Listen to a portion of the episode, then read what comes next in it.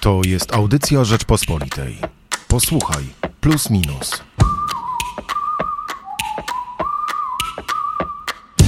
Co stało się w dzisiejszym świecie z autorytami? Czy nadal ich potrzebujemy, czy zniknęły wraz z rozwojem internetu i popularnością celebrytów?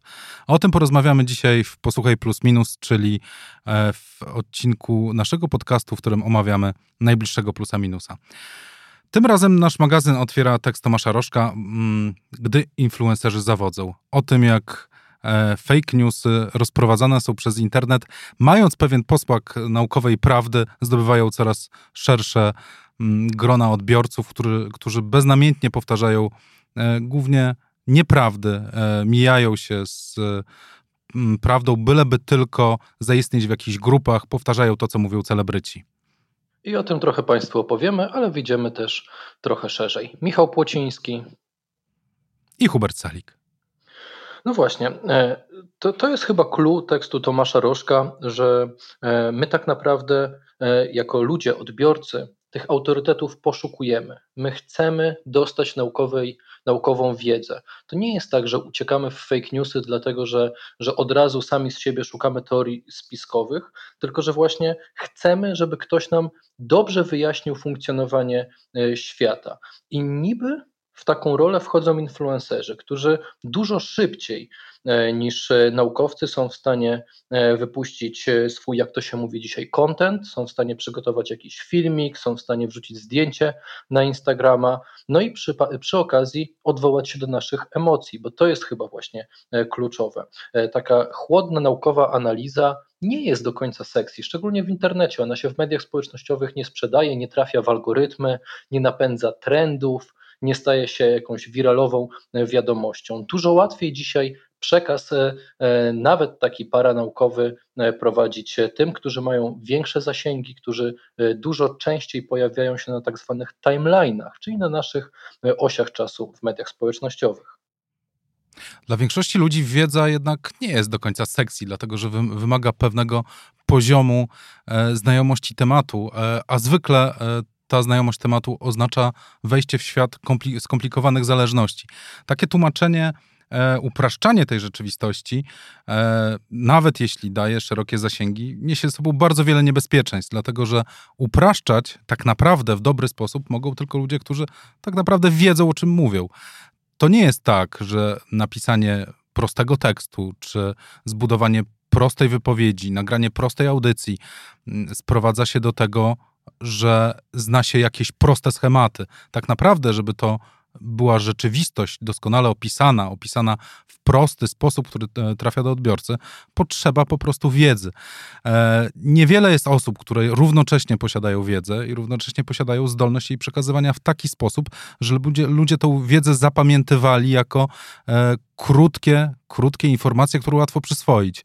I, I, myślę, że to jest w ogóle problem dzisiejszych czasów i celebryci i influencerzy nie zastąpią takich osób co koniec końców oznacza, że najważniejsze w przyswajaniu informacji jest krytyczne do nich podejście.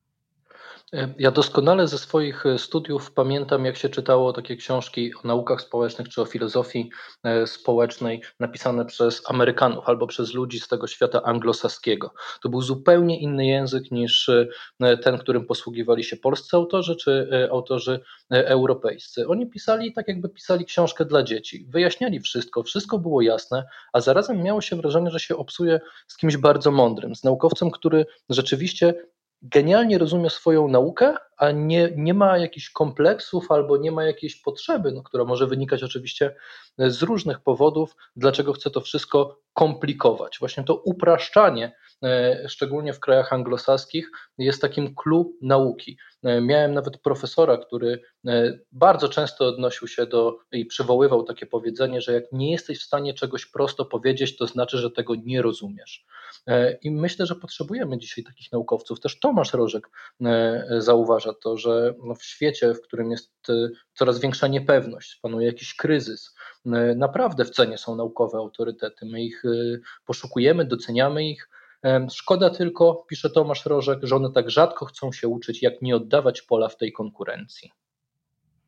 Tylko nie jest takie proste, żeby te autorytety uznać za autorytety, żeby odsiać prawdę od nieprawdy. Tak naprawdę trzeba mieć jakiś poziom wiedzy, żeby z tego całego szumu e, informacyjnego, z tego mówiąc z angielska information overload, wyjawić pra wy wyłowić prawdę i nieprawdę. Tutaj chyba doskonałym przykładem jest kariera informacji o ibuprofenie który e, miał być szkodliwy przy leczeniu koronawirusa, gdyż e, uruchamiał system immunologiczny takim stopniu, że e, wirus tylko bardziej atakował. Tak twierdzili e, zwolennicy tej teorii. Tymczasem nie ma żadnych potwierdzonych informacji na ten temat. Problem zaczął się pojawiać wtedy, kiedy zaczęły się pojawiać publikacje naukowe na ten temat, które to potwierdzały, przy czym publikacje naukowe na ten temat, które to potwierdzały, e, były nie do końca autoryzowane, czyli jeszcze nie zakończono żadnych procesów klinicznych. W ogóle, jeśli chodzi o koronawirusa, to borykamy się z poważnym problemem, gdyż wiele uznanych tytułów publikuje mm, jeszcze niepotwierdzone badaniami klinicznymi e, e, teorie, które wymagają potwierdzenia, i te teorie są szybko brane przez media na całym świecie, nawet uznane i szybko przedstawiane jako informacja. W ten sposób e, dowiedzieliśmy się o ibuprofenie, co okazuje się najprawdopodobniej nieprawdą, bo zdementowano tę informację parokrotnie, że wcale paracetamol nie jest lepszy e, i, i, nie ma żadnych dowodów na to, że tak się dzieje. E, e, to niebezpieczeństwo więc idzie z dwóch stron. Jednocześnie chcemy bardzo szybkiej informacji, gdyż potrzeba informacji w dobie e, epidemii jest bardzo duża. Nie wystarczą nam tylko e, informacje, co się gdzie zdarzyło, albo suche, aczkolwiek brutalne e, liczby. E, no i niestety wpadliśmy w tą pułapkę i, i tym bardziej teraz, kiedy mm, ludzie, którzy nie mają chyba odpowiedniego poziomu wiedzy i nie są w stanie krytycznie spojrzeć na informacje, a mają gigantyczne zasięgi, je po prostu powtarzają. No ale problem jest też oczywiście głębszy, bo nie tylko chodzi o rzeczy, które wyglądają na w miarę naukowe, czy na paranaukowe, czy które są autoryzowane jakąś naukową wiedzą albo naukowym wyjaśnieniem, ale pojawiają się też e, informacje, które są zwykłym hochsztaplerstwem, a mimo wszystko są e, w, jakiś, w jakimś stopniu przez, przez, przez ludzi jednak łapane. Na przykład to, że koronawirus jest wywołany przez e, sieć 5G i że to maszty 5G przenoszą wirusa, maszty, które dodajmy w Polsce na przykład jeszcze nie ma. Nie mamy zbudowanej infrastruktury 5G, a mamy ludzi, którzy wierzą, że to 5G e, za to e, odpowiada. Tomasz Rożek oskarża za taki stan rzeczy nasz system edukacji i wychowania że nie pokazujemy młodym ludziom, jak ogromną wartość mają fakty, nie uczymy ich odpowiedzialności za słowo i potem bezkrytycznie te informacje przyjmują pisze, to jest wielkim oskarżeniem naszego systemu edukacji. No, informacje trzeba też sprawdzać. W dzisiejszych czasach jest to dużo prostsze, ale wymaga to krytycznego podejścia. Może właśnie szkoła powi powinna uczyć krytycznego podejścia do informacji, e, że uczyć tego, że te informacje może wcale tymi informacjami nie są. E, ale obok trochę tekstu Tomasza Rożka, mm, który, zatytułowanego Gdy influ influencerzy zawodzą, chcieliśmy się też pochylić w tym numerze w ogóle nad tematem autorytetów. E, czy dzisiaj potrzebne są nam autorytety. Dlatego też na okładce Plusa znalazł się e, rocznicowo Jan Paweł II, dlatego że był e, autorytetem. E, te autorytety według wielu zniknęły z obecnego świata, a może to właśnie internet sprawił, że coraz łatwiej zdemistyfikować kogoś, kto tym autorytetem nie jest. No, na przykład dzisiaj takim autorytetem filozoficznym wydawał się prorok transhumanizmu e, Harari.